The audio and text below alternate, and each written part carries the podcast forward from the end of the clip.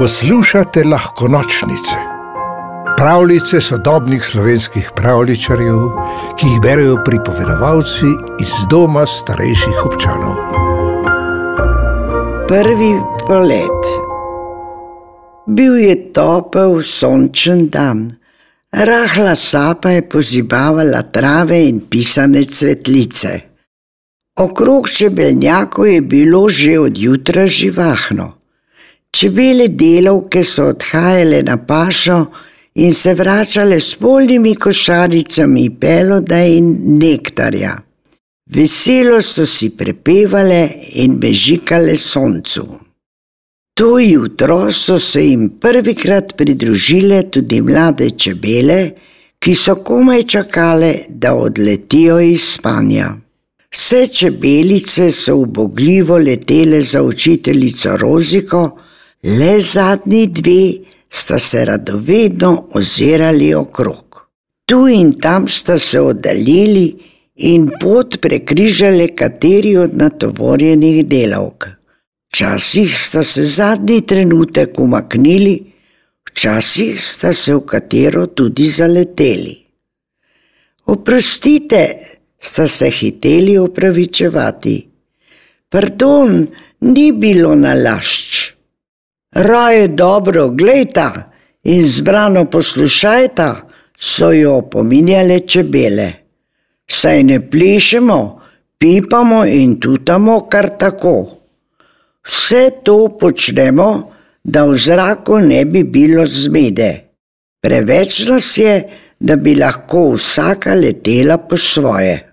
Mladi čebeli jih nista poslušali, bili sta zvedavi, mudilo si jim je v svet in zared v zraku jim je bilo malo bar. Še opazili nista, kdaj sta prileteli v gost. Lepa reč, je rekla čebelica Marjetka, ko je pristala na listu. Kam so izginili pisani cvetovi? In kam se čebele, se je začudila cvetka. Da ni to gost, je javknila Marjetka, kraj, kamor ne smemo. Nikar se ne bojta, so zaslišali močan glas. Pridita z menoj. Kdo si? sta vprašali čebeli. Sršen srečo je neznanec zabrenčal proti njima. S teboj pa že ne, se je Marjetka pognala z lista. Spomnila se je, kaj jih je učiteljica Rozika učila o sršenih. Zelo nevarni so. Cvetka je bila tik za njo. Leteli sta hitro, kot so jo nesla krila. S palkami in krili sta udarjali v liste in vejce, ter se za las izognili veliki palčevini. Pajek Poldejo je že oddaleč gledal z vsemi štirimi pari oči.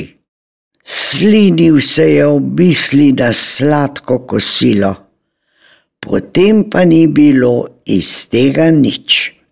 Čebelici sta se tik pred mrežo strmo dvignili in nekaj trenutkov kasneje pristali na veji.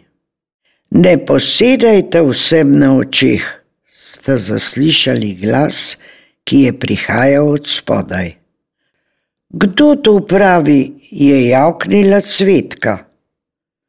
Čebela čelestina, je odgovoril glas ampak čebeli nista spodaj videli drugega kot nekaj kamenčkov, pod praprotjo pa polžjo hiško.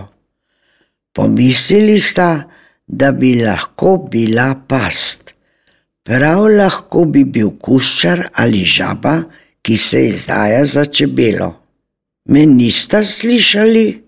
Ju je opomnil glas. Brž pridita sem dol. Čebelici sta se previdno spustili. Še preden sta se dotaknili tal, je iz polže hiške pogledala čebelja glava. Bila je nekoliko drugačna od njiju, celo manjša, zato se nista bali. Hitro noter je čebela stresla tipalke. Jaz sem Čelestina in to je moj dom. Ne živiš v čebelnjaku, se je začudila cvetka. Divje čebele večinoma živimo same, je pojasnila Čelestina. Ene si ustvarijo dom v votlih steblih, druge v zemlji, jaz pa sem si izbrala polžjo hiško. Tu sem pripravila gnezdo in tu bom poskrbela za svoje potomstvo. To je pa veliko dela za eno čebelo, je bila cvetka presenečena.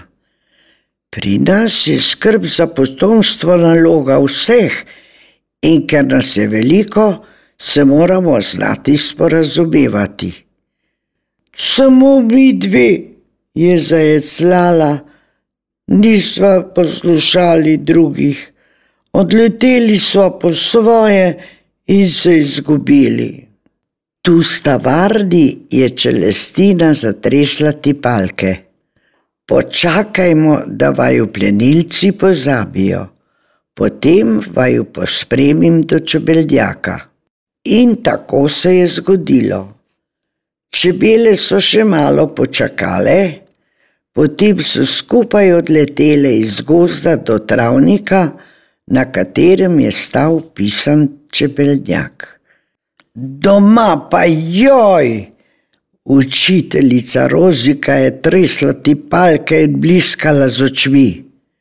Ko pa se je pobirila, je rekla: Konec dober, vse dobro. Več ni rekla.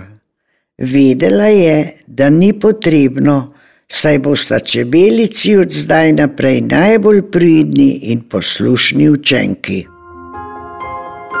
Pravljico napisal Sebastian Pregel, pripoveduje Paula Travend.